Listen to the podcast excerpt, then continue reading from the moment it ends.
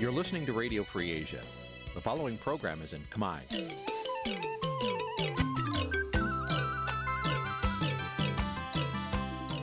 Nǐ ជាកម្មវិធីផ្សាយ Vuthu Azizi Serai នេះជាកម្មវិធីផ្សាយរបស់ Vuthu Azizi Serai ជាភាសាខ្មែរ Vuthu Azizi Serai សូមស្វាគមន៍លោកអ្នកនាងទាំងអស់ពីរដ្ឋធានី Washington នៃសហរដ្ឋអាមេរិក។ពីរដ្ឋធានី Washington នាងខ្ញុំសុជីវីសូមជម្រាបសួរលោកអ្នកនាងអ្នកស្ដាប់វិទ្យុអាស៊ីសេរីទាំងអស់ជាទីមេត្រីយើងខ្ញុំសូមជូនកម្មវិធីផ្សាយសម្រាប់ព្រឹកថ្ងៃច័ន្ទ2រោចខែមិញឆ្នាំថោះបัญចស័កពុទ្ធសករាជ2567ត្រូវនៅថ្ងៃទី26ខែកុម្ភៈគ្រិស្តសករាជ2024ជាដំបូងនេះសូមអញ្ជើញលោកអ្នកនាងស្ដាប់ព័ត៌មានប្រចាំថ្ងៃដែលមានមេត្តាដូចតទៅ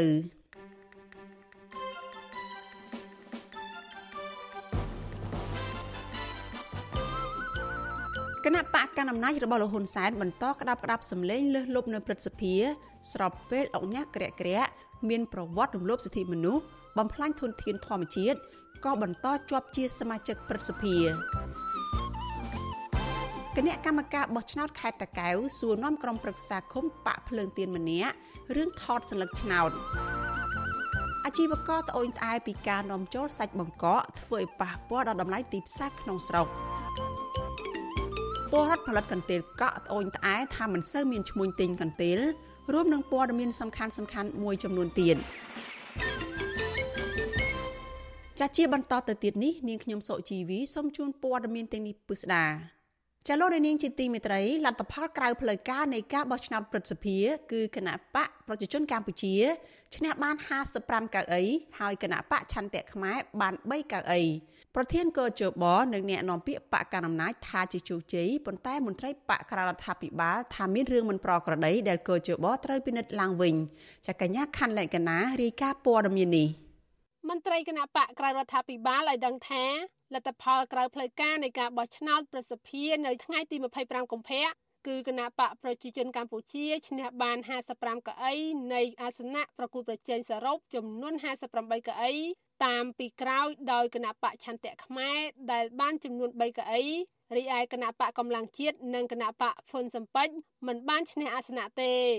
ប្រធានគណៈកម្មាធិការជាតិរៀបចំការបោះឆ្នោតលោកប្រច័ន្ទថ្លែងក្នុងសន្និសីទកសែតបន្ទាប់ពីការបោះឆ្នោតថា ការបោះឆ្នោតប្រសិទ្ធភាពអាណត្តិទី5នេះមានការិយាល័យបោះឆ្នោតចំនួន33នៅក្នុង8ភូមិភាគនៅទូទាំងប្រទេស ដោយមានអ្នកបោះឆ្នោតសរុប11730នាក់ស្មើនឹង99.86%នៃចំនួនអ្នកបោះឆ្នោតសរុប11747នាក់លោកថាលទ្ធផលក្រៅផ្លូវការអាចនឹងប្រកាសនៅចន្លោះថ្ងៃទី4ដល់ថ្ងៃទី6ខែមិនិនាផ្អែកតាមប្រកដីទិននៃការបោះឆ្នោតគួរច្បងនឹងបិទផ្សាយលទ្ធផលបដោះអាសន្ននៃការបោះឆ្នោត នៅថ្ងៃទី29 កុម្ភៈឆ្នាំ2024ហើយបើសិន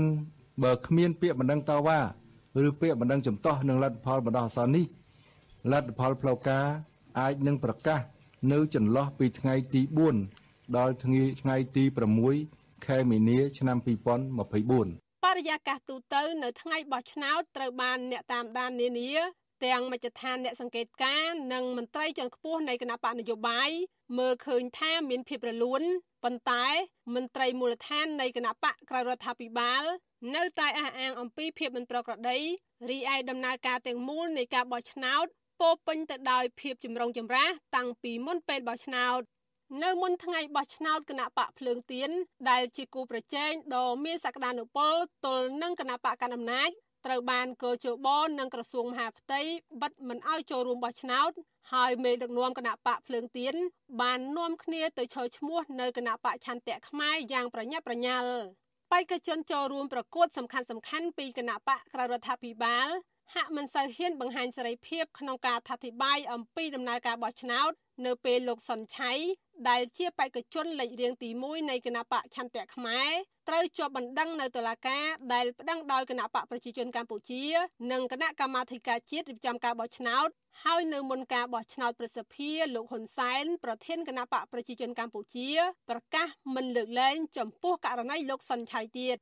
នៅមុនការបោះឆ្នោតប្រសិទ្ធភាពនេះពាក់ព័ន្ធនឹងករណីលោកសុនឆៃដដែល ក៏មានការគំរាមកំហែងដ៏ធំមួយ គឺគណៈបកប្រជាជនកម្ពុជា បានប្តឹងអ្នកនាំពាក្យនៃសមាគមការពារសិទ្ធិមនុស្សអាត់ហុកលោកសង្សានករណានេះជាសញ្ញាដែលអ្នកខ្លំមើលយល់ថា ជាយុទ្ធសាស្ត្ររបស់គណៈបកកណ្ដាលអំណាចគម្រាមកំហែងភ្នាក់ងារសង្គមស៊ីវិលដែលតែងតែស៊ើបអង្កេតប្រមូលភស្តុតាង អំពីដំណើរការបោះឆ្នោតនៅប្រទេសកម្ពុជា ក្រៅពីនេះសមាជិកក្រុមប្រឹក្សាឃុំសង្កាត់នៃគណៈបកក្រៅរដ្ឋាភិបាល ដែលជាអង្គបោះឆ្នោតក៏ត្រូវបានមន្ត្រីអាជ្ញាធររដ្ឋាភិបាល និងគណៈកម្មាធិការជាតិរៀបចំការបោះឆ្នោតធ្វើការអុកឡុកច្រើនបែបយ៉ាងដូចជាការទិញទឹកចិត្តនិងការមិនអោយផ្លាស់ប្តូរសមាជិកភាពក្រុមប្រឹក្សាឃុំសង្កាត់តាមការស្នើសុំរបស់គណៈបកភ្លើងទៀនជាដើមចំពោះស្ថានភាពក្នុងថ្ងៃបោះឆ្នោតត្រូវបានអនុប្រធានគណៈបច្ឆន្ទៈខ្មែរលោកសុនឆៃប្រាវិជុអស៊ីសេរីថាមានព័ត៌មានពីថ្នាក់ក្រោមអំពីការទិញទឹកចិត្ត ប៉ុន្តែលោកនៅមិនទាន់កំណត់ច្បាស់នៅឡើយទេខ្ញុំមិនមិនមិនច្បាស់ទេទោះបីមានរបាយការណ៍ពីខេត្តមកខ្លះថាមានការទិញទឹកចិត្តអីកន្លងមកខ្ញុំមិនមានព័ត៌មានបន្ថែមឬក៏ព័ត៌មានច្បាស់ការនៅឡើយទេយ៉ាងណាអ្នកនាំពាក្យគណៈបកប្រជាជនកម្ពុជាលោកសុកអេសានច្រានចោលចំពោះការចោទប្រកាន់អំពីការគំរាមកំហែងអង្គបោះឆ្នោតបកប្រឆាំង ការបោះឆ្នោតប្រព្រឹត្តទៅដោយសម្ងាត់ដូចជាគ្មានហេតុផលណាដែលត្រូវធ្វើការសម្លុតគម្រាមកំហែងអង្គបោះឆ្នោតទេ ការសម្លុតគំហាគម្រាមកំហែងឬទិញទឹកចិត្តរបស់អង្គបោះឆ្នោតវាមិនហុចលទ្ធផលទេផ្ទុយទៅវិញគេមិនបោះឆ្នោតឲ្យយើងអញ្ចឹងគណៈបកប្រជាជនមិនដែលធ្វើករណីនេះទេបាទចំណែកប្រធានកោជបលោកប្រាច័ន្ទវិញអះអាងថា ការបោះឆ្នោតបានប្រព្រឹត្តទៅដោយជោគជ័យសន្តិសុខសុវត្ថិភាព គ្មានអំពើហិង្សានិងគ្មានបាតុភិបគួរឲ្យកត់សម្គាល់ឡើយការបោះឆ្នោតប្រព្រឹត្តទៅដោយរលូនគ្មានអំពើហិង្សាគ្មានការគំរាមគំរាមកំហែងនិងពុំមានសកម្មភាពអ្វីធ្វើឲ្យរាំងស្ទះដល់ដំណើរការបោះឆ្នោតឡើយយើងចាត់ទុកការបោះឆ្នោតនេះ ជាការប្រព្រឹត្តទៅដោយសេរី ត្រឹមត្រូវយុត្តិធម៌និងទទួលបានលទ្ធផលជោគជ័យគួរជាទីមោទនៈ ទោះជាយ៉ាងណាប្រធានប្រតិបត្តិនៃគណៈបកភ្លើងទៀនខេត្តស្ទឹងត្រែងលោកពុយចន្ទថាឡាប្រាប់វិសុអសីសេរីនៅថ្ងៃទី25កុម្ភៈថាលោកបានទទួលព័ត៌មានពីសមាជិកគណៈបកភ្លើងទៀនមួយចំនួនអំពីការដើរទិញទឹកចិត្តប៉ុន្តែលោកមិនហ៊ានអះអាងជាការពិត100%ទេ ហើយកំពុងស្រាវជ្រាវផ្ទៀងផ្ទាត់ព័ត៌មាននេះ យ៉ាងណាលោកឆ្ងល់ថាហេតុអ្វីមន្ត្រីកោជបយករថយន្តទៅដឹកអង្គបោះឆ្នោតម្នាក់របស់គណៈបកភ្លើងទៀនគឺលោករស់ឡាចដែលកំពុងមានជំងឺធ្ងន់ធ្ងរសម្រាប់ព្យាបាលនៅមន្ទីរពេទ្យយកទៅបោះឆ្នោតសុខភាពគាត់ទ្រុឌទ្រោមខ្លាំងមិនអាចមកបោះឆ្នោតបានខ្ញុំមានការសោកស្ដាយដែលហេតុផលអ្វីបានគណៈកម្មការរៀបចំឆ្នោតយឡានរបស់គណៈកម្មការបោះឆ្នោតខេត្តនេះទៅដឹកគាត់មកបោះឆ្នោតងល់ប៉ុណ្ណឹងតើមានមាននីតិវិធីចែងឬយ៉ាងណាបាទ មន្ត្រីសម្របសម្រួលផ្នែកអង្កេតនៃអង្គការឃ្លាំមើលការបោះឆ្នោតហៅកាត់ថា Conference លោកកនសវ៉ានប្រាប់វិសុអេស៊ីសេរីនៅថ្ងៃទី25កុម្ភៈដោយពន្យល់ថាករណីមានមន្ត្រីកោជបដឹកអង្គបោះឆ្នោតទៅបោះឆ្នោត គឺវាមិនខុសច្បាប់ទេ បើគ្មានការបង្ខិតបង្ខំប៉ុន្តែកាលណាមានការបង្ខិតបង្ខំឲ្យបោះឆ្នោតឲ្យគណៈបកណាមួយខុសពីឆន្ទៈរបស់អ្នកបោះឆ្នោត គឺជាអំពើខុសច្បាប់ បើសិនជាការលើកឡើងណាឲ្យទៅបោះឆ្នោតឲ្យអ្នកណាមួយដោយការបខិតបខំឬក៏ការប្រើប្រាស់ការគម្រាមកំហែងអឺមួយណាមួយណាអឺអាហ្នឹងវាជាដំណើរនៃការខុសហើយខុសនីតិវិធីខុសនឹងច្បាប់ហើយ មានហើយវាជាការគម្រាមកំហែងជាការបំផិតបំភ័យហើយករណីទាំងអស់ហ្នឹងគឺថាច្បាប់សិតតែមានចែងណាបាទគឺមានថាវាខុសនឹងនីតិវិធីច្បាប់ហើយអញ្ចឹងវាអាចមានទទួលទម្ងន់ទោសផ្សេងផ្សេងថែមទៀតទៅតាមនីតិវិធីតាមច្បាប់ដែលបានចែងអ្នកឃ្លាំមើលបង្ហាញការយល់ឃើញថាការបោះឆ្នោតព្រឹទ្ធសភាគឺជាការបោះឆ្នោតដែលប្រជាពលរដ្ឋអង្គបោះឆ្នោតនិងបេក្ខជនចូលរួមប្រគល់ប្រជែងបោះឆ្នោតមកពីគណៈបកក្រៅរដ្ឋាភិបាល ស្ទាក់ស្ទើរមិនហ៊ានសម្ដែងមតិពីការបោះឆ្នោត នៅពេលដែលអង្គការតាមដានការបោះឆ្នោតធំធំ ដូចជា Netflix និងអង្គការ Conference ជាដើមមិនបានដាក់អ្នកសង្កេតការតាមដានឡើយខ្ញុំខណ្ឌលក្ខណាវັດឈូអស៊ីសេរីលោកនាងកញ្ញាជាទីមេត្រីសេចក្តីរាយការណ៍ពីខេត្តតាកែវឯណោះឲ្យដឹងថាគណៈកម្មការរៀបចំការបោះឆ្នោតខេត្តតាកែវក៏ហៅក្រុមប្រឹក្សាឃុំគណៈបកភ្លើងទៀនម្នាក់ទៅសួរនាំ ការកោះហៅទៅសួរនាំនេះធ្វើឡើងក្រោយពេលដែលមន្ត្រីរូបនោះបានថតសញ្ញាឆ្នោតនៅក្នុងបន្ទប់សម្ងាត់ស្របពេលដែលអង្គបោះឆ្នោតរបស់គណៈបកប្រឆាំងនៅតាមបណ្ដារាជធានីខេត្តមួយចំនួនទៅបោះឆ្នោតជ្រើសរើសសមាជិកព្រឹទ្ធសភាកាលពីថ្ងៃទី25ខែកុម្ភៈម្សិលមិញដោយអារម្មណ៍ផិតភ័យនិងព្រួយបារម្ភពីសុវត្ថិភាពចាលោកច័ន្ទដារ៉ូរាយការណ៍អំពីរឿងនេះគណៈកម្មការរៀបចំការបោះឆ្នោតខេត្តតាកែវបានអនុញ្ញាតឲ្យក្រុមប្រឹក្សាឃុំរបស់គណៈបកភ្លើងទៀនម្នាក់ នៅឃុំចំបក់ស្រុកបាទីត្រឡប់ទៅផ្ទះវិញហើយក្រោយពេលមន្ត្រីបោះឆ្នោតខេត្តនេះសាកសួរពាក់ព័ន្ធករណីថតសញ្ញាឆ្នោតនៅក្នុងបន្ទប់សម្ងាត់ក្នុងអំឡុងពេលបោះឆ្នោតប្រសិទ្ធភាពនៅថ្ងៃទី25ខែកុម្ភៈជំទប់ទី2នៅឃុំចំបក់ដែលជាអង្គបោះឆ្នោតមកពីគណៈបកភ្លើងទៀនលោកខុតវ៉ានីប្រាប់វិទ្យុអាស៊ីសេរីថាមន្ត្រីគណៈកម្មការរៀបចំការបោះឆ្នោតខេត្ត បានហៅរូបលោកទៅសាកសួរនឹងធ្វើកំណត់ហេតុរយៈពេល2ម៉ោងជុំវិញរឿងលោកថតសន្លឹកឆ្នោតរបស់លោក នៅក្នុងទូរស័ព្ទដៃលោកបញ្ជាក់ថាការថតរូបនោះសម្រាប់រក្សាទុកឯកជន ដោយលោកពុំមានចេតនាអាក្រក់ណាមួយយកទៅផ្សព្វផ្សាយជាសាធារណៈធ្វើឲ្យប៉ះពាល់ដល់ដំណើរការបោះឆ្នោតនោះឡើយបន្ទាប់មកលោកឲ្យដឹងថាមន្ត្រីគណៈកម្មការរៀបចំការបោះឆ្នោត ដោយតម្រូវឲ្យលោកធ្វើកិច្ចសន្យាទទួលខុសត្រូវប្រសិនបើមានករណីរុកថត់បែកធ្លាយនៅលើបណ្ដាញសង្គមគណៈកម្មការខេត្តរៀបចំការបោះឆ្នោតនេះគាត់បានបញ្ជាក់ថាសម្រាប់កោចបោឬក៏បាច់ខេតនេះគឺมันអីទេគាត់សម្របសម្រួលហើយប៉ុន្តែគាត់ខ្លាចគាត់បារម្ភថាមានខ្លាចមានគណៈបកនយោបាយផ្សេងប្តឹងពីខ្ញុំណាករណីខ្ញុំហ្នឹងមិនមានការបារម្ភអីផ្លូវច្បាប់អី ទូទាត់អីធ្ងន់ធ្ងរទេគាត់មិនចាប់អារម្មណ៍គាត់មិនមានបន្តឹងអីទៅគឺក៏សប្បាយចិត្តដែរតេតឹងនឹងដំណើរការបោះឆ្នោតនេះដែរអង្គបោះឆ្នោតដែលជាក្រុមប្រឹក្សាឃុំសង្កាត់របស់គណៈបកប្រឆាំងមួយចំនួនអះអាងថាពួកគេបានចេញទៅបោះឆ្នោតជ្រើសរើសសមាជិកប្រសិទ្ធភាពដោយភិតភ័យនិងព្រួយបារម្ភអំពីសវត្ថិភាពក្រុមប្រឹក្សាសង្កាត់នៅរាជធានីភ្នំពេញមកពីគណៈបកភ្លើងទៀនម្នាក់ប្រាប់វិទ្យុអាស៊ីសេរី ដោយសុំមិនបញ្ចេញឈ្មោះថាក្រុមប្រឹក្សាសង្កាត់គណៈបកភ្លើងទៀនបានរងនៅការធ្វើទុកបុកម្នេញជាបន្តបន្ទាប់នៅមុនការបោះឆ្នោតប្រពន្ធដដែលថានៅថ្ងៃបោះឆ្នោតមានជនមិនស្គាល់អត្តសញ្ញាណស្លៀកពាក់ស៊ីវិលហាក់ជាក្រុមរៀបចំទុកជាមុនបានតាមថតរូបក្រុមប្រឹក្សាសង្កាត់របស់គណៈបកភ្លើងទៀននៅបរិវេណការិយាល័យបោះឆ្នោតនៅក្នុងវិទ្យាល័យព្រះស៊ីសវត្តក្រុងភ្នំពេញប្រពន្ធដដែល ឲ្យដឹងថាហេតុការណ៍នេះបានធ្វើឲ្យអង្គបោះឆ្នោតរបស់គណៈបកប្រឆាំងភៀកច្រើន ប្រញាប់ប្រញាល់ធ្វើដំណើរត្រឡប់ទៅផ្ទះវិញដោយសារតែពួកគេភ័យខ្លាចអាញាធរធ្វើបាបដល់មូលដ្ឋានដោយសមាជិកបករឿងគ្រោះដតីទៀតដែរនឹងរូបភាពនឹងមើលទៅវា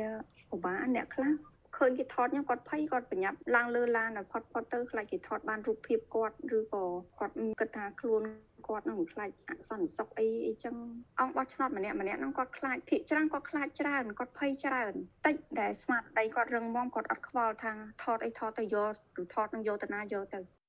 ជុំវិញរឿងនេះអ្នកនាំពាក្យគណៈកម្មាធិការជាតិរៀបចំការបោះឆ្នោតលោកហងពុធាលើកឡើងថាការថតសញ្ញាឆ្នោតនៅក្នុងបន្ទប់សម្ងាត់ជាសកម្មភាពបំពានច្បាប់អំឡុងដំណើរការបោះឆ្នោតដូច្នេះមន្ត្រីបោះឆ្នោតត្រូវហៅជននោះ ដើម្បីសាកសួរដោះស្រាយតាមនីតិវិធីព្រឹកទៅមួយថ្ងៃដោយរលូនមិនមានអំពើហិង្សាឬក៏អចំណាប់ចំណាប់សង្គមកើតមាននោះទេទីទៅវិញការរៀបចំបោះឆ្នោតនេះមានកិច្ចសហការគ្នាល្អរវាងគ្រប់ភាគីពាក់ព័ន្ធទាំងអស់ការបោះឆ្នោតជ្រើសរើសសមាជិកព្រឹទ្ធសភាអាណត្តិទី5ឆ្នាំ2024មានអង្គបោះឆ្នោតជិត12000នាក់ក្នុងនោះតំណាងរាស្ត្រក្នុងតំណែង125នាក់ និងសមាជិកក្រុមប្រឹក្សាឃុំសង្កាត់ក្នុងតំណែងចំនួនជាង11000នាក់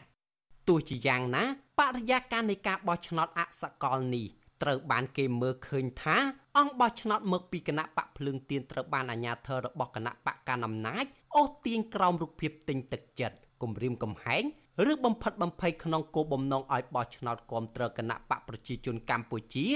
ស្របពេលអាជ្ញាធរគ្មានវិធានការទប់ស្កាត់ឡើយ គណៈកម្មាធិការជាតិរៀបចំការបោះឆ្នោតបញ្ជាក់ថាបើសិនជាគ្មានពាក្យបណ្ដឹងតវ៉ាឬបណ្ដឹងជំទាស់ពាក់ព័ន្ធទៅនឹងលទ្ធផលបណ្ដោះអាសន្ននោះទេក៏ជបនឹងក្រុងប្រកាសលទ្ធផលជាផ្លូវការនៃការបោះឆ្នោតប្រសិទ្ធភាពអាណត្តិទី5ចន្លោះថ្ងៃទី4ដល់ទី6ខែមិនិនាខ្ញុំបាទច័ន្ទដារោវុទ្ធុអាស៊ីសេរី លោកនាងកញ្ញាជាទីមេត្រីចាត់តទៅនឹងការបោះឆ្នោតជ្រើសតាំងសមាជិកព្រឹទ្ធសភាអាណត្តិទី5កាលពីថ្ងៃទី25ខែកុម្ភៈម្សិលមិញនេះចានៅក្នុងពេលបន្តិចទៀតនេះលោកនាងនឹងបានស្ដាប់សេចក្តីរាយការណ៍មួយរបស់លោកថាថៃតកតទៅនឹងថាតើការបោះឆ្នោតអាណត្តិនេះគណៈបកប្រជាជនកម្ពុជា បានដាក់បេក្ខជនឈរឈ្មោះជាមន្ត្រីកម្ពុជាកម្ពុជានិងអង្គញាល្បីល្បីណាខ្លះចាសសូមអញ្ជើញលោកនាងរងចាំតាមដានសេចក្តីរាយការណ៍នេះនៅក្នុងការផ្សាយរបស់យើងនៅពេលបន្តិចទៀតនេះកុំបីខាន។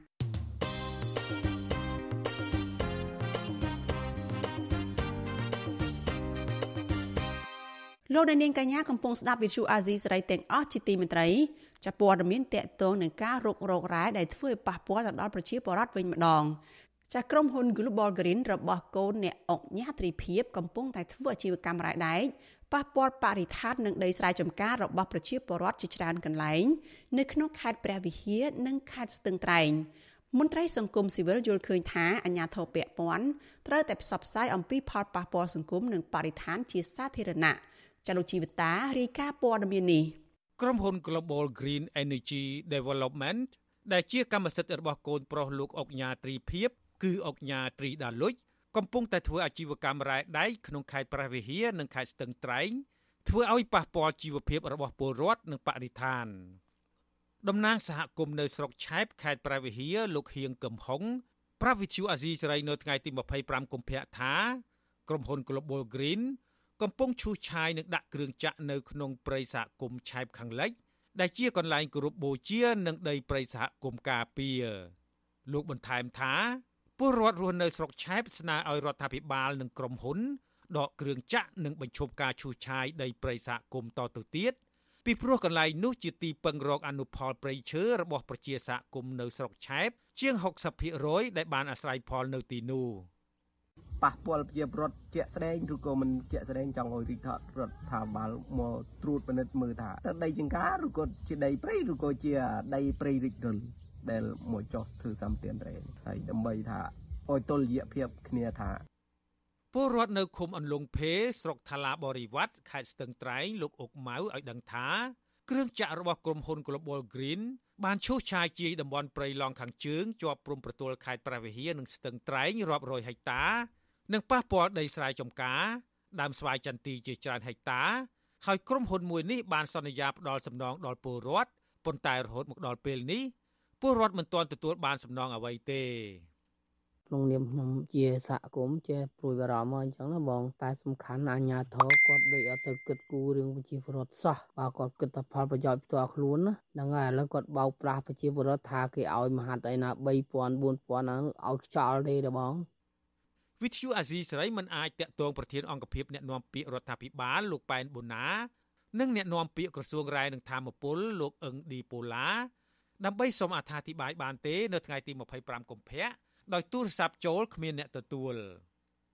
លោកនាយករដ្ឋមន្ត្រីហ៊ុនម៉ាណែតកាលពីចុងឆ្នាំ2023បានប្រកាសថារដ្ឋាភិបាលឈប់ផ្ដល់អាជ្ញាប័ណ្ណដល់ក្រុមហ៊ុនរុករករ៉ែនិងធ្វើអាជីវកម្មរ៉ែនៅក្នុងតំបន់ព្រៃឡង់តទៅទៀត ប៉ុន្តែរហូតមកដល់ពេលបច្ចុប្បន្ននេះក្រុមហ៊ុន Global Green របស់កូនអុកញ៉ាត្រីភិបដែលមានទំនាក់ទំនងជិតស្និទ្ធជាមួយប្រធានគណៈបកប្រជាជនកម្ពុជាលោកហ៊ុនសែន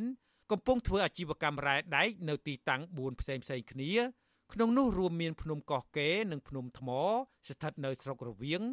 ព្រៃសហគមន៍ឆែបខាងលិចនៅស្រុកឆែបនិងភៀកខាងជើងនៃដែនជម្រកសត្វព្រៃឡង់ត្រង់ចំណុចព្រំប្រទល់ខេត្តព្រះវិហារនិងស្ទឹងត្រែង។ ក្រុមហ៊ុននេះបានដឹកជញ្ជូនរ៉ែដែកយកទៅលក់នៅក្រៅប្រទេសតាមច្រកព្រំដែនអន្តរជាតិរវាងកម្ពុជាវៀតណាមស្ថិតនៅក្អមសំណខេត្តកណ្ដាលដោយដឹកជញ្ជូនពីខេត្តព្រះវិហារដាក់សាឡុងនៅស្រុកកំពង់លែងខេត្តកំពង់ឆ្នាំងទាក់ទិននឹងបញ្ហានេះអ្នកសម្របសម្រួលគម្រោងនៃសមាគមបណ្ដាញយុវជនកម្ពុជាលោកអូតឡាទីនយល់ឃើញថារាល់ការអភិវឌ្ឍឬវិនិយោគ រដ្ឋាភិបាលត្រូវតែមានការវិយតម្លៃពីផលប៉ះពាល់សង្គមនិងបរិស្ថានឲ្យបានត្រឹមត្រូវនិងតម្លាភាពដោយមានការចូលរួមពីប្រជាពលរដ្ឋកំពុងរស់នៅតំបន់នោះ។ រដ្ឋាភិបាលក៏ដូចជាអ្នកដែលទទួលសិទ្ធិនៅក្នុងការអភិវឌ្ឍទទួលសិទ្ធិវិនិយោគហ្នឹងគឺត្រូវតែធ្វើការផ្ដល់សំណងសមរម្យទៅដល់ប្រជាពលរដ្ឋដែលរងផលប៉ះពាល់ដើម្បីធ្វើយ៉ាងណាកុំឲ្យគាត់រងភាពអយុត្តិធម៌ពីគម្រោងការអភិវឌ្ឍហ្នឹងព្រោះយើងអភិវឌ្ឍតំបន់មួយធ្វើឲ្យមានភាពប្រសើរមិនមែនធ្វើការអភិវឌ្ឍទទួលបានផលប្រយោជន៍តែក្រុមហ៊ុនប៉ុន្តែប្រជាពលរដ្ឋគាត់ទទួលរងភាពអយុត្តិធម៌ណាប្រជាពលរដ្ឋស្នើឲ្យរដ្ឋាភិបាលពិចារណាឡើងវិញ ក្នុងការផ្ដល់សិទ្ធិឲ្យក្រុមហ៊ុន Global Green ធ្វើអាជីវកម្មរ៉ែដែកទូទាំងប្រទេសពីព្រោះបច្ចុប្បន្នមានប្រជាពលរដ្ឋជាច្រើនកំពុងរងគ្រោះពីការធ្វើអាជីវកម្មមួយនេះអុកញ៉ាត្រីដលុចបច្ចុប្បន្នមានអាយុ30ឆ្នាំមិនមែនត្រឹមតែជាអ្នកគ្រប់គ្រងក្រុមហ៊ុន Global Green Energy Development មួយប៉ុណ្ណោះទេលោកក៏ជាអគ្គនាយករងក្រុមហ៊ុនទ្រីភិប Group ផងដែរលោកទ្រីដលុចត្រូវបានអតីតនាយករដ្ឋមន្ត្រីលោកហ៊ុនសែនទូលថ្វាយទៅព្រះមហាក្សត្រ ឲ្យផ្ដល់គោរមងារអុកញ៉ានៅថ្ងៃទី19ខែមីនា ឆ្នាំ2013ក្រៅពីទទួលបានគោរមងារជាអុកញ៉ាហើយនោះលោកទ្រីដាលុចក៏ត្រូវបានតែងតាំងជាទីប្រឹក្សាផ្ទាល់របស់អតីតប្រធានរដ្ឋសភាលោកហេងសំរិននិងជាអនុប្រធានក្រុមការងារថ្នាក់ជាតិគណៈបកប្រជាជនកម្ពុជាចុះជួយឃុំត្បែងស្រុកកណ្ដាលស្ទឹងខេត្តកណ្ដាលថ្មីថ្មីនេះលោកត្រីដាលុចក៏ទទួលបានការតែងតាំងជារដ្ឋលេខាធិការនៃក្រមប្រឹក្សាអភិវឌ្ឍកម្ពុជា ហៅកាត់ថា CDC ផងដែរលោកត្រីដាលុចគឺជាកូនប្រុសច្បងរបស់អ្នកអុកញ៉ាត្រីភិបដែលល្បីខាងរកស៊ីឈើនិងបំផ្លិចបំផ្លាញធនធានធម្មជាតិនៅកម្ពុជាខ្ញុំជីវិតាអាស៊ីសេរីលោកនាងកញ្ញាជាទីមេត្រីជាព័ត៌មានពីខេត្តព្រះវិហារឲ្យនឹងដែរថាជនជាតិដើមភាគតិចគួយចំនួន4នាក់នៅឃុំមលូព្រៃ2បញ្ជាក់ជំហរថាពួកគាត់នឹងចូលទៅបំភ្លឺនៅតុលាការខេត្តព្រះវិហារ ជុំវិញបញ្ហាវិវាទដីធ្លីជាមួយនឹងក្រុមហ៊ុនឈ្មួញដែលអះអាងថាទទួលបានសិទ្ធិប្រើប្រាស់ដីធ្លី បន្ទាប់ពីក្រុមហ៊ុនផលិតស្ករអំពៅរយហ្វេងមន្ត្រីសង្គមស៊ីវិលលើកឡើងថាការកោះហៅជនជាតិដើមភាគតិចគួយឲ្យទៅចូលបំភ្លឺនៅតុលាការគឺជាការធ្វើទុកបុកម្នេញទៅលើជនរងគ្រោះបន្ថែមទៀតខណៈពួកគាត់កំពុងប្រឈមនឹងការរំលោភយកដីធ្លីចលនាជីវតា មានសេចក្តីរាយការណ៍មួយទៀតអំពីរឿងនេះ ជនជាតិដើមភាគតិចគួយទាំង4នាក់បញ្ជាក់ចំហថាពួកគាត់នឹងចូលខ្លួនឆ្លើយបំភ្លឺនៅតុលាការខេត្តព្រះវិហារនៅថ្ងៃទី27កុម្ភៈតាមការកោះហៅរបស់តំណាងអัยការអមសាលាដំបងខេត្តគឺលោកថុលកំហឹងជនជាតិដើមភាគតិចគួយលោកពៀនសុផាត ដែលត្រូវបានអัยការតុលាការខេត្តកោះហៅឲ្យចូលទៅបំភ្លឺប្រាប់វិទ្យុអាស៊ីសេរីនៅថ្ងៃទី25កុម្ភៈថាលោកនិងប្រជាសហគមន៍3នាក់ទៀត រួមមានលោកសឿនថា លោកអឿមអោននិងលោករឹមធឿយបានពឹងពាក់មេធាវីពីអង្គការលីកាដូដើម្បីត្រៀមខ្លួនចូលឆ្លើយបំភ្លឺនៅតុលាការខេត្តព្រះវិហាររួចហើយនៅថ្ងៃទី27ខែកុម្ភៈសម្រាប់ខ្ញុំគឺអយុធធម៌ពីរហើយខ្ញុំជាជនជាតិដើមភាគតិចហើយបាត់បង់ដីធ្លីហើយគេវាយក្រមភៈសមាជិកផ្សេងទៀតហើយគឺហេមទាំងប្រឹងភុខ្ញុំឡើងតឡាការទៀតអយុធធម៌ណាស់ លោកពៀនសុផាតចាត់ទុកការកោះហៅប្រជាសហគមន៍ឲ្យចូលបំភ្លឺនៅតុលាការនេះថាជាការគំរាមកំហែងលើជនជាតិដើមភាគតិចគួយកុំឲ្យអាស្រ័យផលលើដីធ្លីដែលក្រុមហ៊ុនផលិតស្ករអំពៅរយហ្វេងធ្លាប់បានរំលោភយកជនជាតិដើមភាគតិចគួយប្រមាណ100នាក់បានចុះខាត់គ្រឿងចាក់របស់កម្មករមេការចិនឈ្មោះឈៀងគង់នៅហៅម៉ៅកុំឲ្យឈូសឆាយចំការដំឡូងរបស់ប្រជាពលរដ្ឋស្ថិតនៅចំណុចការដ្ឋានទី10និងការដ្ឋានទី11 ក្នុងភូមិប្រះក្អកឃុំមលូព្រៃ2ស្រុកឆែបខេត្តព្រះវិហារកាលពីថ្ងៃទី11កុម្ភៈ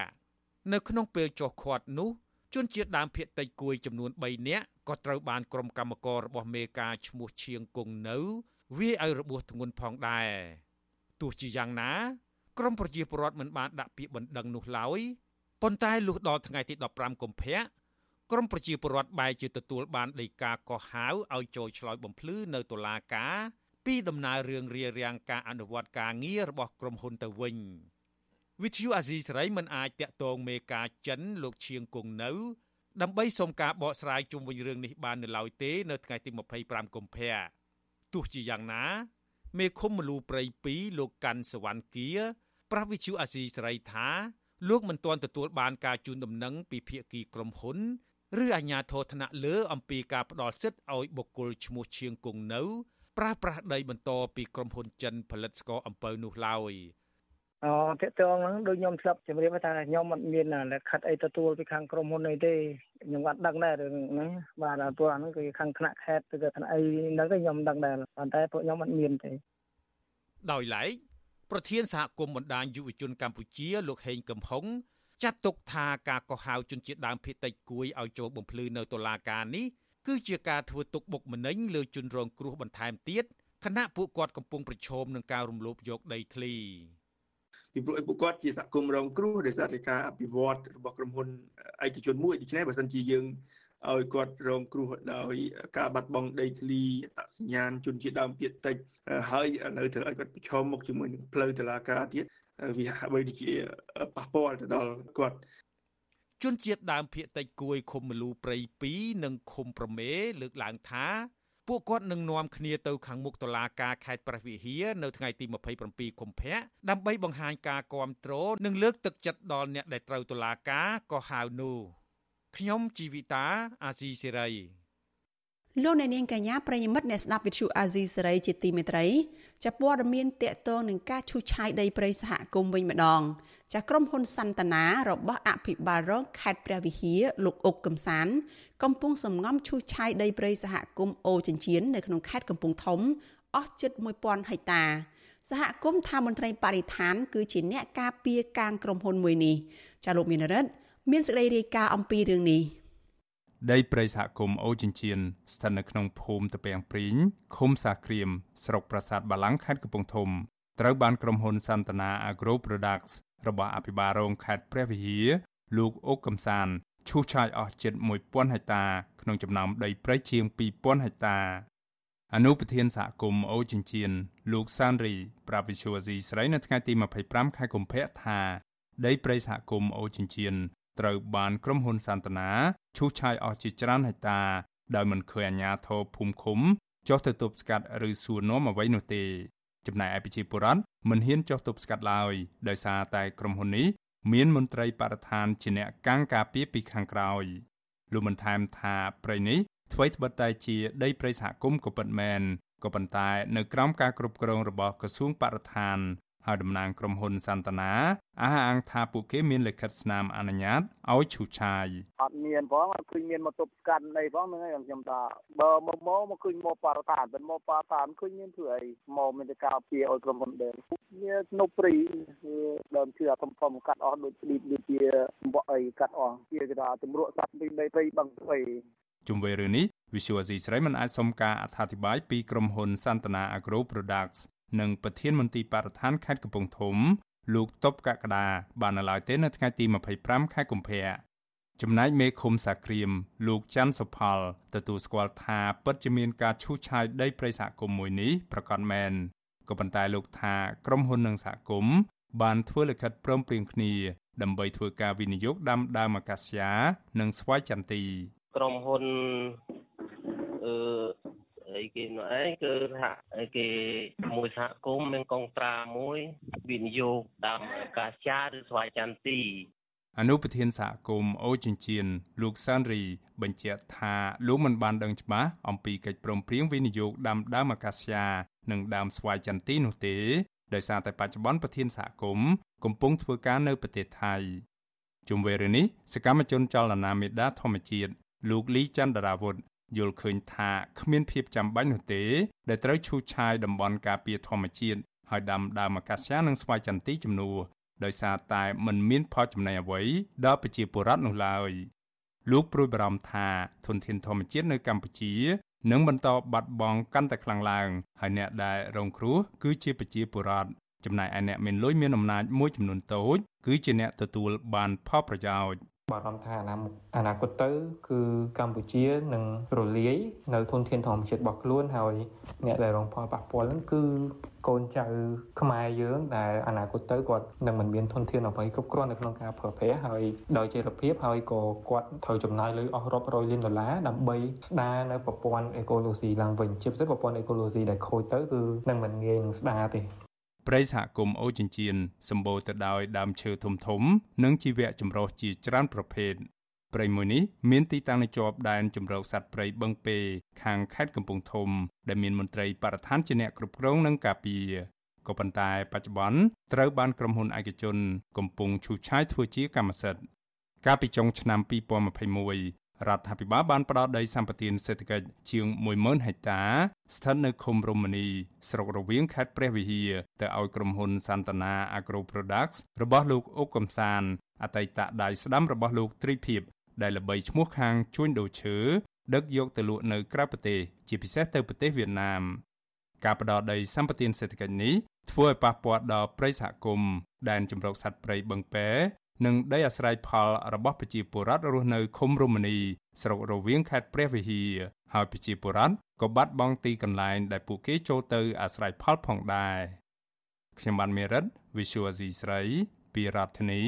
Washington លោកនាងកញ្ញាជាទីមេត្រីលោកអ្នកកំពុងស្ដាប់វិទ្យុអាស៊ីសេរីផ្សាយចេញពីរដ្ឋធានី Washington សហរដ្ឋអាមេរិក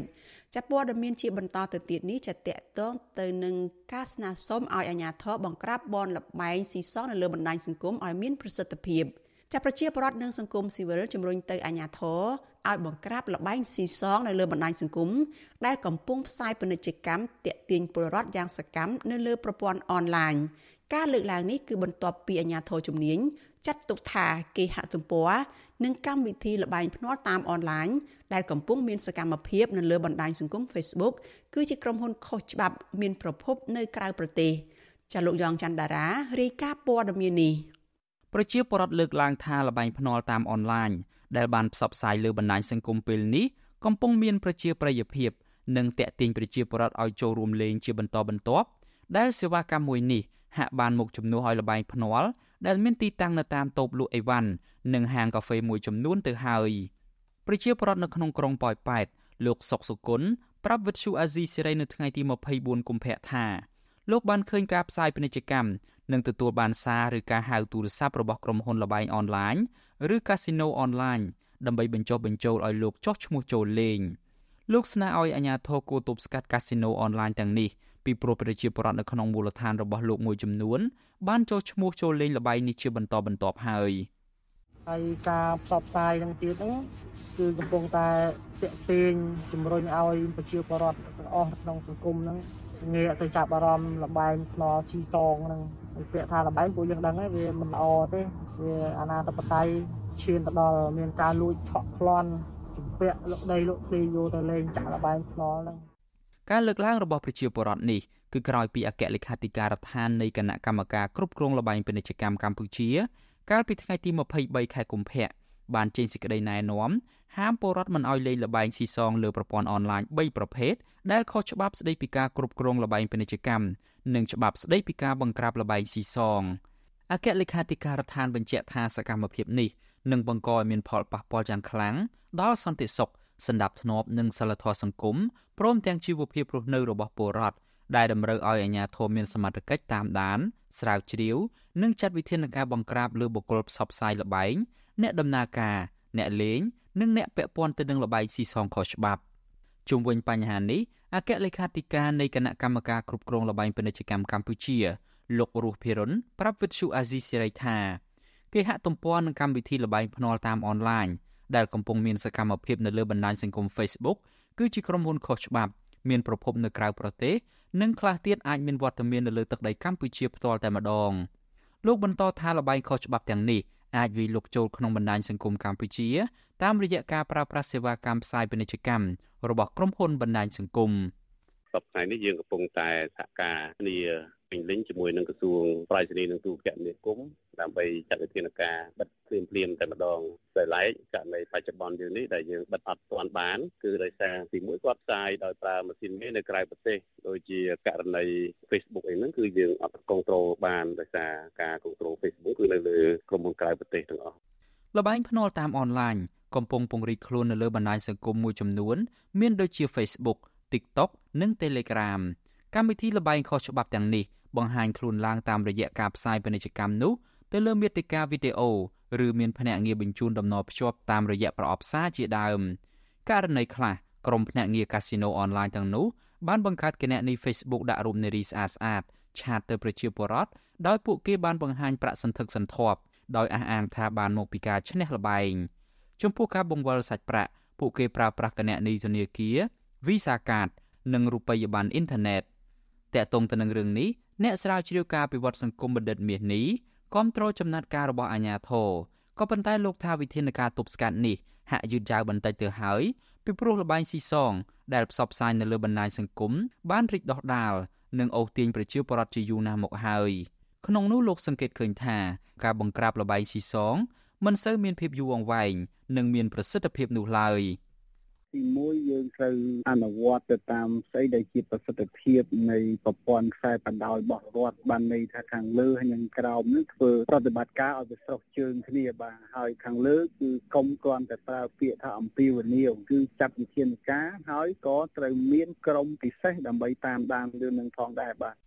កាលពីថ្ងៃទី16ខែកុម្ភៈលោកនាយរដ្ឋមន្ត្រីហ៊ុនម៉ាណែតក៏បានបញ្ជាឲ្យគណៈអភិបាលរាជធានីខេត្តទាំងអស់ ចាត់វិធានការបង្ក្រាបលបែងផ្សងសំណាងខុសច្បាប់និងផ្អាកការផ្ដល់អាជ្ញាប័ណ្ណនៃអាជីវកម្មបនលបែងអនឡាញគ្រប់ប្រភេទនៅទូទាំងប្រទេស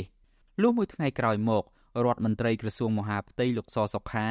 បានដាក់បញ្ជាឲ្យអាជ្ញាធរនៅតាមរាជធានីខេត្តបង្ក្រាបឲ្យអស់នៅទីតាំងបញ្ចាំខុសច្បាប់ និងទីតាំងលបែងផ្សងសំណាងឬឡូតូខុសច្បាប់ដែលមាននៅគ្រប់ភូមិឃុំសង្កាត់ទោះជាយ៉ាងនេះក្តីថ្នាក់ដឹកនាំរដ្ឋាភិបាលទាំងពីរនេះ មិនបានលើកឡើងពីវិធានការទប់ស្កាត់លបែងភ្នាល់តាមអ៊ីនធឺណិតនោះទេប្រជាពលរដ្ឋនិងមន្ត្រីសង្គមស៊ីវិលជំរុញឲ្យអាជ្ញាធរបង្ក្រាបលបែងអនឡាញខុសច្បាប់ទាំងនោះដោយវែករកទីតាំងនិងមេខ្លោងដើម្បីទប់ស្កាត់កុំឲ្យលបែងខុសច្បាប់មួយនេះមកជំនួសលបែងភ្នាល់និងឆ្នោតកន្ទុយលេខដែលមានទីតាំងនៅក្នុងសហគមន៍ខ្ញុំយ៉ងច័ន្ទដារាវិទ្យុអាស៊ីសេរី Washington លោកអ្នកនាងកញ្ញាអ្នកស្ដាប់ជាទីមេត្រីអាជីវករលក់សាច់និងអ្នកចិញ្ចឹមសត្វមួយចំនួនស្នើឲ្យអាជ្ញាធរទប់ស្កាត់ការនាំចូលសាច់បង្កកមកពីក្រៅប្រទេសដើម្បីងាកមកជួយលើកកម្ពស់ជីវភាពកសិករក្នុងស្រុកមន្ត្រីជំនាញយល់ឃើញថាការផ្អាកនាំចូលគ្រឿងក្នុងសត្វមិនអាចទប់ស្កាត់ការនាំចូលសាច់បង្កកបានទាំងស្រុងនោះទេចាលោកមានរិទ្ធមានសេចក្តីរាយការណ៍ដាច់ដライមួយទៀតអំពីរឿងនេះអាជីវករលក់សាច់និងអ្នកចិញ្ចឹមសត្វមួយចំនួន ប្រឈមនឹងការបោះបង់មុខរបរចោលនិងជំពាក់បំណុលធនាគារវ៉ាន់កពួកគាត់អះអាងថាដើម្បីទប់ស្កាត់ការនាំចូលសាច់បង្ករដ្ឋាភិបាលគួរតែផ្អាកការនាំចូលសាច់សត្វគ្រប់ប្រភេទអាជីវករលក់មាន់នៅផ្សារគីឡូម៉ែត្រលេខ7ក្នុងរាជធានីភ្នំពេញលោកស្រីម៉ាន់ម៉ារីប្រាវិសុអាស៊ីស្រីនៅថ្ងៃទី25ខែកុម្ភៈថាបច្ចុប្បន្នលោកស្រីលក់មាន់មិនដាច់នោះទេដោយសារតែមានការនាំចូលសាច់បង្កនិងគ្រឿងក្នុងមាន់មកពីក្រៅប្រទេស ដែលមានតម្លៃថោកជាងសាច់នៅក្នុងស្រុកលោកស្រីតូនតែថាមិនដឹងរំពឹងទៅលើមុខរបរអ្វីទេដើម្បីផ្គត់ផ្គង់ជីវភាពគ្រួសារនិងសងប្រាក់ទៅធនាគារវិញនោះប៉ះសិនបើរដ្ឋាភិបាល នៅតែបើកឲ្យមានការនាំចូលសាច់បង្កកដោយសេរីបែបនេះនឹងខ្ញុំគិតថាបើសិនជាគេ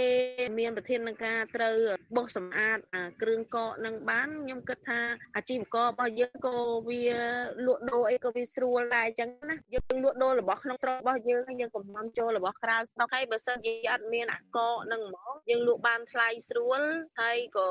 យើងលក់ដូរអារបស់ស្រស់ស្រស់នោះក៏វាស្រួលលក់ដែរ ការតូនតែរបស់អាជីវកររូបនេះគឺបន្ទាប់ពីអគ្គនាយកដ្ឋានគយនឹងរដ្ឋកោកម្ពុជាលោកគុណញឹមកាលពីថ្ងៃទី23ខែកុម្ភៈបានចេញលិខិតជូនដំណឹងស្តីពីការផ្អាកបណ្ដោះអាសន្នលើការនាំចូលគ្រឿងក្នុងសាច់និងបំណែកសាច់បង្ករយៈពេល6ខែចាប់ពីថ្ងៃទី12ខែមីនា រហូតដល់ថ្ងៃទី12ខែកញ្ញាឆ្នាំ2024លោកគុណញឹមបញ្ជាក់ថាការផ្អាកនាំចូលគ្រឿងសัตว์និងបំណែកសាច់ មានដូចជាថ្លាមជ្រូកមាន់ក្របីនិងស្លាបមាន់ជាដើមដោយឡែកពូវៀនក្រពះនិងត្រីត្រូវក្លាសេបង្ក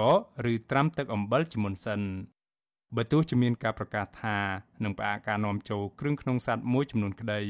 ក៏ក្រុមហ៊ុនដែលទទួលបានសិទ្ធិនាំចូលសាច់សត្វបង្កនៅតែអាចទទួលបានសិទ្ធិនាំចូលដដែលហើយការនាំចូលបន្លែត្រីសាច់ដោយខុសច្បាប់នៅតែជាបញ្ហាប្រឈមរបស់ប្រជាកសិករខ្មែរ ក្រៅពីអាជីវករលក់មាន់នៅមានក្រុមអាជីវករលក់សាច់ជ្រូកមួយចំនួនទៀតប្រឈមនឹងបញ្ហាជីវភាពដោយសារគ្មានអ្នកទិញនិងគ្មានទីផ្សារលក់ផលិតផលអ្នកចិញ្ចឹមមាន់យកពងលក់វិញក៏កំពុងពិចារណាបោះបង់មុខរបរនេះចោលដែរម្ចាស់កសិដ្ឋានចិញ្ចឹមមាន់នៅខេត្តបាត់ដំបង លោកព្រីងភិរមថ្លែងថាលោកគ្រងលក់មាន់ជាង10000ក្បាលចេញហើយឈប់ចិញ្ចឹមដោយសារតែពងមាន់ធ្លាក់ថ្លៃខ្លាំងនិងគ្មានម៉ូយទិញដូចមុន លោកព្រីងភិរមអះអាងថាការបើកឲ្យនាំចូលពងមាន់ពីប្រទេសវៀតណាមធ្វើឲ្យលោកលក់ខាត់ថ្លៃដើម និងជំពាក់បំណុលធនាគារខ្ញុំលេងចំណេញហ្នឹងខ្ញុំចូលចិត្តចូលលក្ខខណ្ឌខាតហើយអញ្ចឹងយើងទទួលយកមិនបានអញ្ចឹងសំណុំពរវាអត់មានអីទេគឺចង់ឲ្យគាត់ខាងរដ្ឋាភិបាលឬក៏ អ្នកដែលនៅខាងហ្នឹងគាត់ជួយមើលអាការនាំចូលពីក្រៅហ្នឹងជួយបិទគប់វាខ្លះទៅកុំឲ្យវាវាមកច្រើនអញ្ចឹងពេកតែយើងចិញ្ចឹមស្អីបើទោះបីស្មាដើមក៏ខ្ញុំមិនដឹងថាគួរចិញ្ចឹមធ្វើអីដែរព្រោះការចិញ្ចឹមនេះវាលំបាកវាវិជាកសិករចិញ្ចឹមសត្វវាលំបាកយើងយើងគិតថាចិញ្ចឹមជីវិតសត្វរាប់ម៉ឺនជីវិតវាងាយហ៎ខែក្តៅខែត្រជាក់ខែភ្លៀងវិសុវអាស៊ីស្រីមិនអាចតាក់ទងแนะនាំពាក្យក្រសួងពាណិជ្ជកម្មលោកប៉ែនសុវិជាតិដើម្បីសុំការបញ្ជាក់បន្ថែមជុំវិញបញ្ហានេះ បាននៅឡើយទេនៅថ្ងៃទី25ខែកុម្ភៈជុំវិញបញ្ហានេះប្រធានសមាគមបណ្ដាញអ្នកចិញ្ចឹមសត្វលោកជួបវិបុលក៏សម្គាល់ថាការផ្អាកការនាំចូលគ្រឿងក្នុងសាច់សត្វរយៈពេល6ខែ គឺมันអាចជួយឲ្យកសិករមានជីវភាពប្រសើរបានឡើយលោកបន្តថាប្រសិនបើរដ្ឋាភិបាលពិតជាគិតគូរពីទុកលំបាករបស់ប្រជាពលរដ្ឋរដ្ឋាភិបាល គួរតែបង្កើតគណៈកម្មការវិតម្លៃនិងត្រួតពិនិត្យពីតម្រូវការលើការនាំចូលសាច់សាតរដ្ឋាភិបាលមានឆន្ទៈយើងមិនពិបាកទេទី1បញ្ចប់ទៅបញ្ចប់ជាមួយមន្ត្រីដែលខុបខិតជាមួយនឹងឈ្មួញនាំចូលហ្នឹងហ្នឹងទី1ទី2រដ្ឋាភិបាលអនុវត្តវិន័យរដ្ឋបាលឲ្យបានរឹងកៅ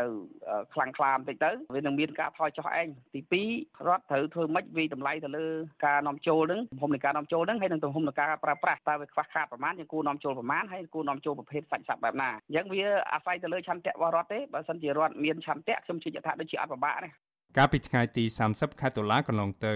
មន្ត្រីជំនាញអគ្គនាយកដ្ឋានការពារអ្នកប្រើប្រាស់កិច្ចការប្រកួតប្រជែងនិងបង្ក្រាបការក្លែងបន្លំហៅកាត់ថាកបបបានចុះបង្ក្រាបការលួចនាំចូលនិងរក្សាទុកសាច់បង្កកចំនួន13តោននៅខេត្តត្បូងឃ្មុំនិងរាជធានីភ្នំពេញក្នុងនោះការិយាល័យស្រាវជ្រាវនិងបង្ក្រាបអំពើរត់ពន្ធខេត្តត្បូងឃ្មុំ បានរកឃើញសាច់បង្កកចំនួន10តោនលួចនាំចូលពីប្រទេសវៀតណាមតាមរយៈរថយន្តបង្កកសាច់មន្ត្រីជំនាញកសិកម្មនិងអាជីវករជំរុញឲ្យរដ្ឋាភិបាលពង្រឹងការអនុវត្តច្បាប់នៅតាមព្រំដែនដើម្បីទប់ស្កាត់ការនាំចូលសាច់បង្កកដោយខុសច្បាប់និងងាកមកលើកម្ពុជាកសិករចិញ្ចឹមសត្វនៅក្នុងស្រុកវិញខ្ញុំបានមេរិត Visual Asia ស្រី ពីរដ្ឋធានី Washington លោកអ្នកនាងកញ្ញាជាទីមេត្រីចាស់កម្ពុជារៀបចំការបោះឆ្នោតជ្រើសតាំងសមាជិកព្រឹទ្ធសភាអាណត្តិទី5កាលពីថ្ងៃទី25ខែកុម្ភៈម្សិលមិញនេះតែការបោះឆ្នោតអាណត្តិនេះគណៈបកប្រជាជនកម្ពុជា ដែលជាគណៈបកកណ្ដាលអំណាចបានដាក់បេក្ខជនឈរឈ្មោះជាមន្ត្រីកម្ពូលកម្ពូល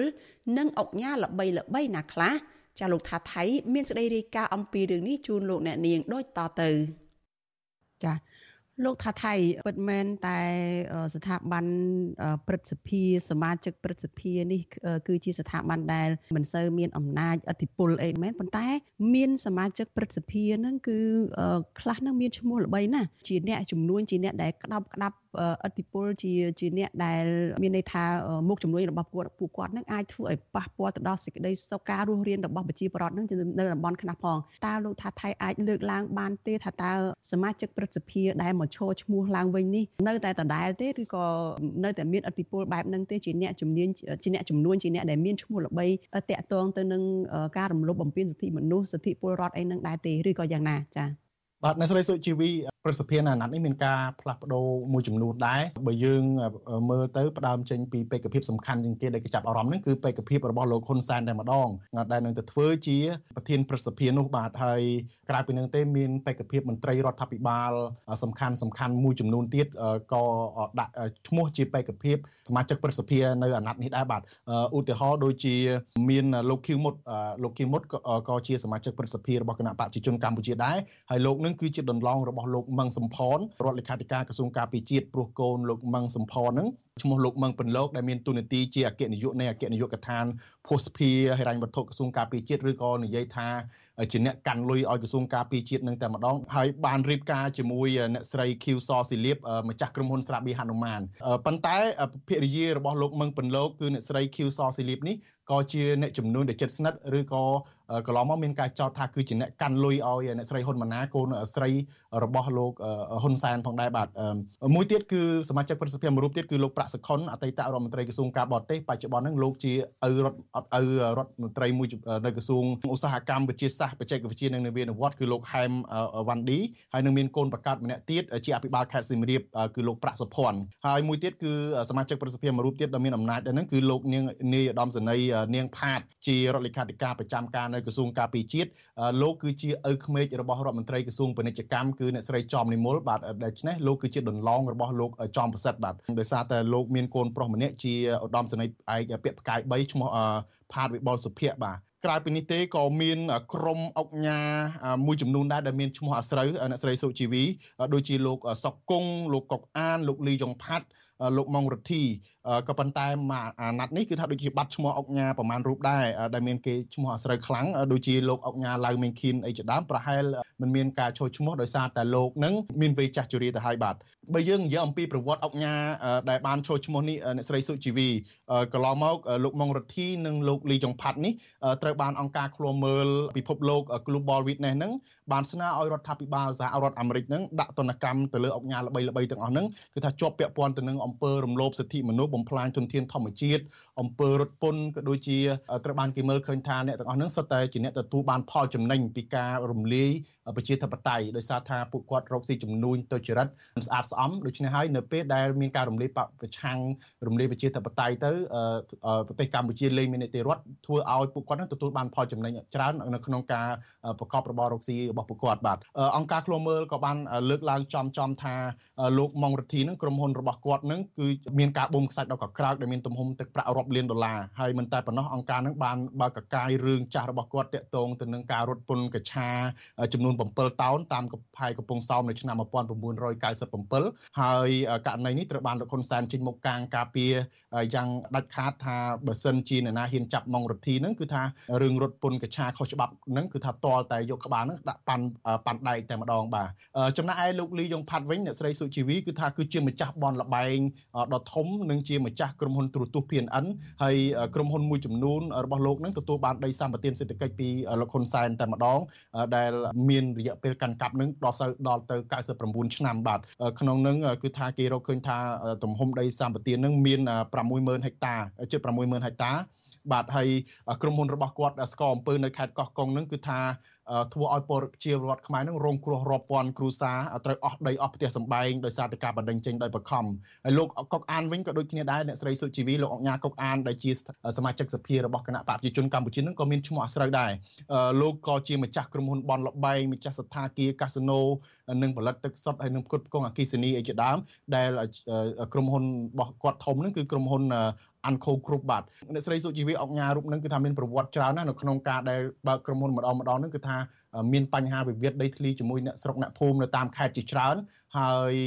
មានការបូមទឹកស្អុយនឹងបលិចផ្ទះអ្នកភូមិអីជាដើមដូចជានៅខេត្តបរសៃអនុនៅខេត្តផ្ទីមានជ័យអីជាដើមហើយក្រៅពីនឹងមានរឿងអាស្រូវធំមែនទែនហ្នឹងដែលក៏ក្រៅកាលពីឆ្នាំ2022ហ្នឹងគឺខាងសារព័ត៌មានអន្តរជាតិអាល់ចាសេរ៉ាបានរកឃើញថាកាស៊ីណូរបស់លោកកុកអាននឹងឯងគឺជាកន្លែងដែលយកមនុស្សទៅឃុំឃាំងរាប់ពាន់នាក់ទាំងនៅខេត្តបរសៃហនុទាំងនៅខេត្តនៅទីក្រុងប៉ោយប៉ែតជាដើមដែលពាក់ព័ន្ធទៅនឹងការគុំឃាំងមនុស្សដើម្បីធ្វើទរណកម្មឲ្យធ្វើការងារឆបោកនៅតាមបណ្ដាញអ៊ីនធឺណិតបាទអឺក្រៅពីនឹងទេលោកសុកគង់ក៏ជាម្ចាស់ក្រុមហ៊ុនកាស៊ីណូរកស៊ីនាំចូលប្រេងសាំងបើករោងចក្រកាត់ដេរជាដើមហើយនឹងកន្លងមកគឺជាមនុស្សម្នាក់ដែលលក់សម្បត្តិឲ្យភ្ញៀវទេសនានៅក្នុងប្រាសាទអង្គរវត្តនោះបាទ ឥឡូវនេះលោកក៏មានសិទ្ធិអំណាចគ្រប់គ្រងឧស្សាហជាតិភ្នំបូកគោទាំងមូលដែលយកឧស្សាហជាតិរបស់ព្រះមហាក្សត្រដែលបានដាក់បញ្ចូលនៅក្នុងច្បាប់ហ្នឹងយកទៅអភិវឌ្ឍដើម្បីផលប្រយោជន៍ក្រុមហ៊ុនរបស់លោកបំផ្លាញធនធានធម្មជាតិបំផ្លាញសម្បត្តិខ្មែរនៅលើភ្នំបូកគោហ្នឹងបាទហើយក៏មានប្រវត្តិរឿងដីធ្លីអីអីហ្នឹងគឺជាមួយអ្នកស្រុកអ្នកភូមិច្រើនណាស់បាទក្រុមអង្គការទាំងអស់នេះបាទចា៎ ក្រុមហ៊ុនរបស់អុកញ៉ាដែលគ្រប់គ្រងតំបន់ OCIC នោះក៏ជាកន្លែងដែលរំលោភសិទ្ធិមនុស្សសិទ្ធិពលរដ្ឋដែរចាលោកថាថៃតើគណៈបកកណ្ដាលអំណាចជាពិសេសលោកហ៊ុនសែននឹងបានចំណេញអីខ្លះពីសមាជិកព្រឹទ្ធសភាឬក៏អុកញ៉ាក្រាក់ក្រាក់អស់នេះចា៎ បាទអ្នកស្រីជីវីតាមពិតគណៈបកប្រជាជនកម្ពុជាបានប្រកាន់យកវប្បធម៌មួយឯងជួយអញអញជួយឯងមានន័យថាក្រុមអង្គការទាំងអស់នេះក៏ជួយគណៈបកប្រជាជនកម្ពុជាដែរដូច្នេះហើយបានដាក់បញ្ចូលក្រុមអង្គការទាំងអស់នេះចូលជាសមាជិកព្រឹទ្ធសភាឬក៏ជាមនុស្សដែលមានអំណាច ចូលមានទូនាទីសំខាន់សំខាន់នៅក្នុងជួររដ្ឋាភិបាលឬក៏អ្នកខ្លះហ្នឹងគឺជាទីប្រឹក្សារបស់លោកហ៊ុនសែនផ្ទាល់ទៀតផង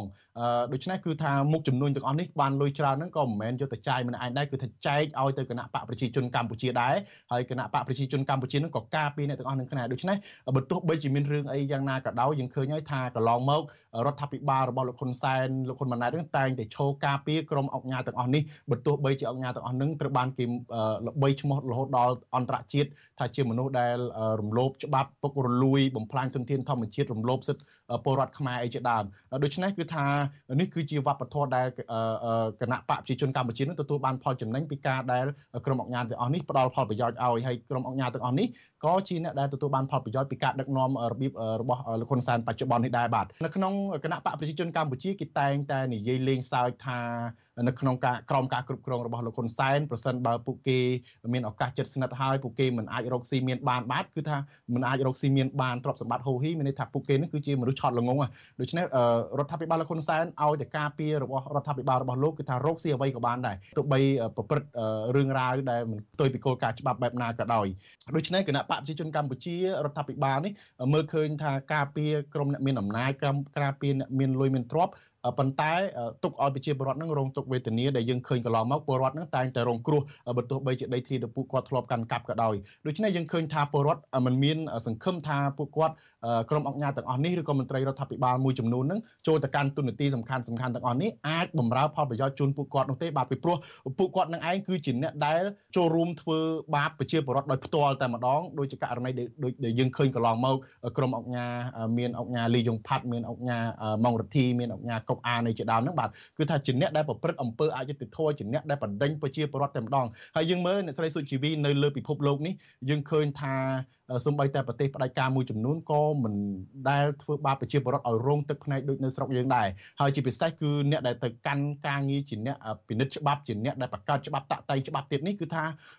គេជាមនុស្សដែលការពារផលប្រយោជន៍សម្បំណាស់បំពេញទូនាទីនឹងល្អខ្លាំងណាស់ដើម្បីការពារផលប្រយោជន៍ជាតិការពារផលប្រយោជន៍ប្រជាពលរដ្ឋក៏ប៉ុន្តែយើងឃើញថាអ្នកទាំងអស់នេះបែរជាអង្គុយនៅក្នុងទូនាទីសំខាន់ជាអ្នកដែលតាក់តែងច្បាប់ជាអ្នកដែលត្រួតពិនិត្យច្បាប់ប៉ុន្តែបែរជាយកទូនាទីនេះទៅធ្វើបាបឲ្យជន់ឈ្លីប្រជាពលរដ្ឋទៅវិញបាទបើសិនជានៅប្រទេសប្រជាធិបតេយ្យប្រទេសដែលមាននីតិរដ្ឋត្រឹមត្រូវអ្នកទាំងអស់នេះគឺมันអាចមានទូនាទីសំខាន់សំខាន់ទេវាធ្វើឲ្យមានទំនាស់ផលប្រយោជន៍ផងពីព្រោះថាពួកគេជាអ្នកដែលកាន់អំណាចពួកគេរកស៊ីបានតាមចិត្តពួកគេដឹងឱកាសរកស៊ីសពបែបយ៉ាងដូច្នេះបើប្រៀបធៀបជាមួយនឹងអ្នករកស៊ីធម្មតាគឺมันអាចមានប្រៀបជាមួយនឹងអ្នកទាំងអស់នេះទេបាទនៅប្រទេសប្រជាធិបតេយ្យมันអាចឲ្យមានបែបនេះទេបាទអ្នកស្រីសុជីវីបាទ ចាអរគុណច្រើនលោកថាថៃចាដែលបានលើកឡើងនៅរឿងរ៉ាវទាំងនេះចាសម្រាប់ថ្ងៃបោះឆ្នោតព្រឹទ្ធសភានេះចាហើយជម្រាបលាលោកថាថៃតែប៉ុណ្ណេះចាជួបគ្នាឱកាសក្រោយទៀតចាបាទសូមអរគុណសូមជម្រាបលាបាទ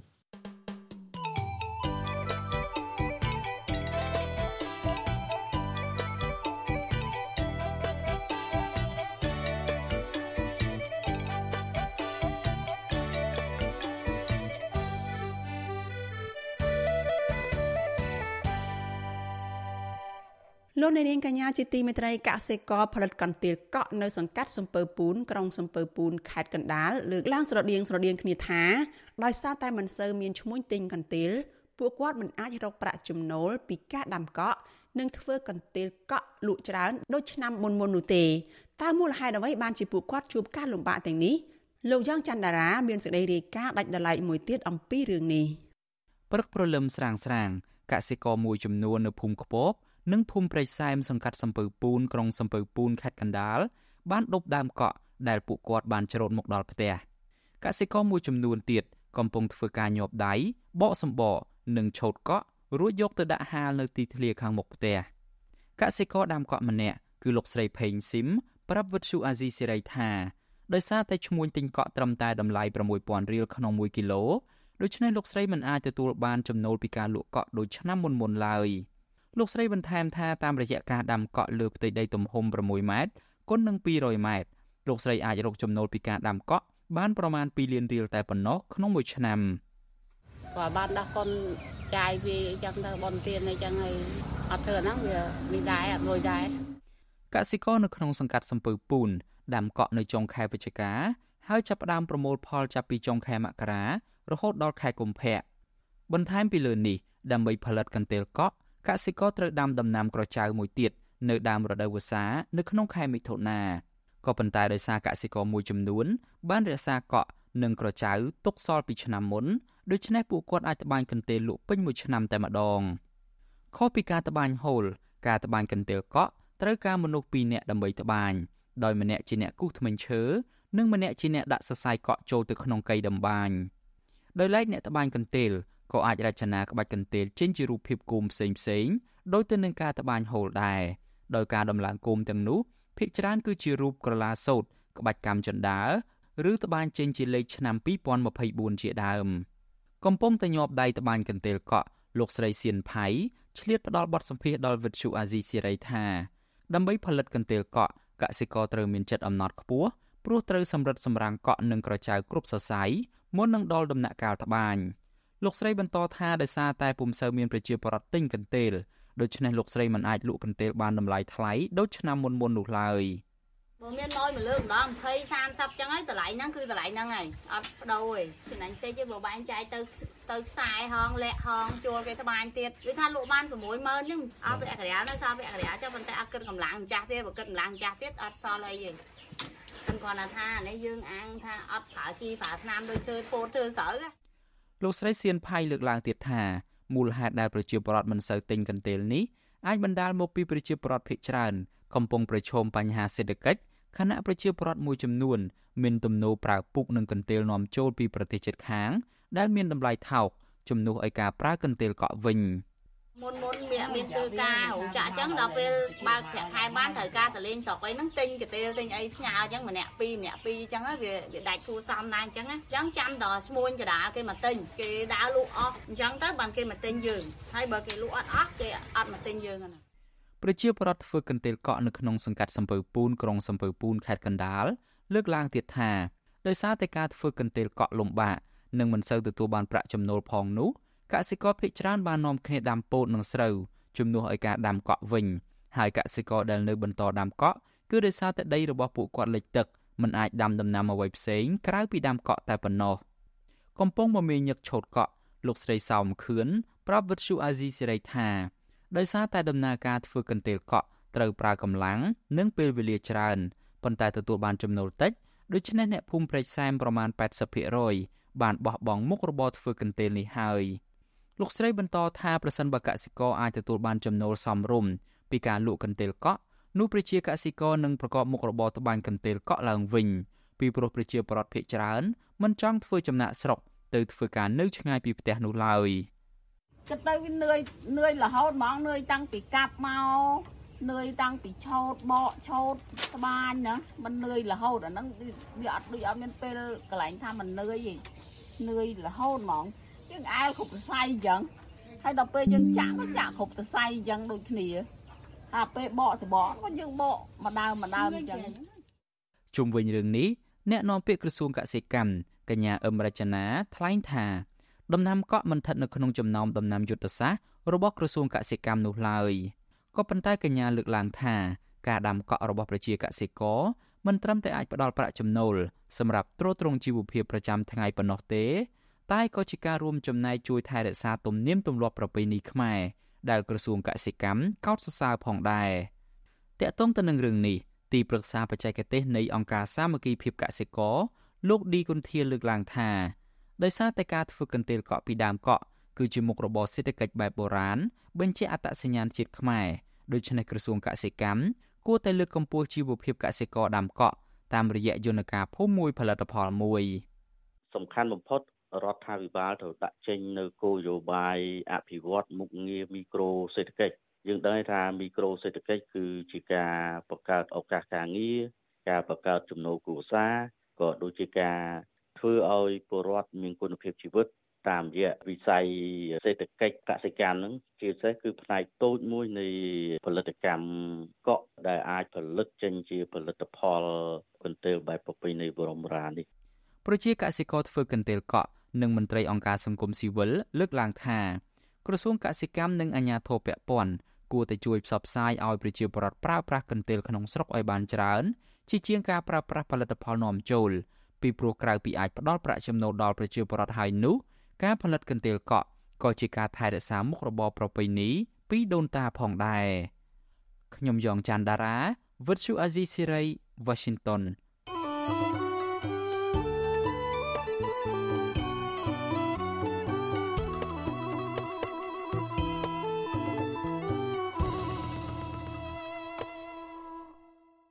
លោកនាងកញ្ញាជាទីមេត្រីកັບផ្សាយរយៈពេល1ម៉ោងរបស់វិទ្យុអាស៊ីសេរីជាភាសាខ្មែរនៅព្រឹកនេះចាប់ត្រឹមតែប៉ុណ្ណេះ